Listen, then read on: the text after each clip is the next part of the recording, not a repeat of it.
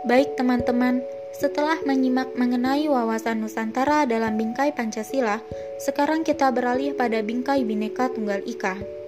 Seperti yang sudah kita ketahui, bahwa Indonesia merupakan negara yang sangat kaya karena pluralitasnya, baik dari aspek ras, suku, bahasa, agama, dan lainnya.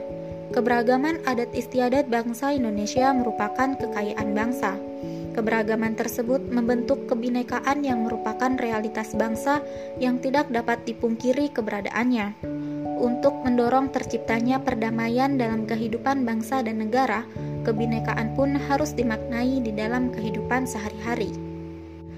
Pada awal permulaan kemerdekaan bangsa Indonesia, semboyan ini senantiasa digunakan sebagai semboyan nasional yang digunakan untuk mendorong semangat persatuan bangsa.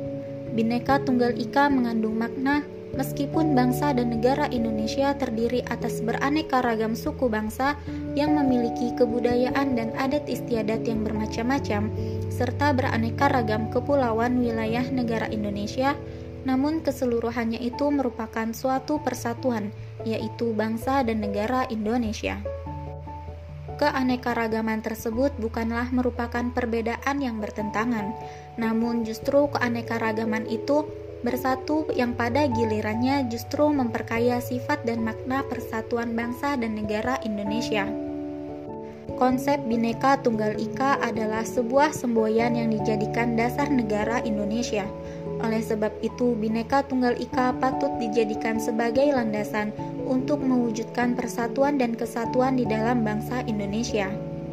Kita sebagai generasi selanjutnya yang bisa menikmati kemerdekaan dengan mudah, haruslah bersungguh-sungguh untuk menerapkannya di dalam kehidupan sehari-hari. Kita dapat saling menghargai dengan sesama tanpa saling memikirkan pencampuran suku, bangsa, ras, agama, bahasa, dan keanekaragaman lainnya.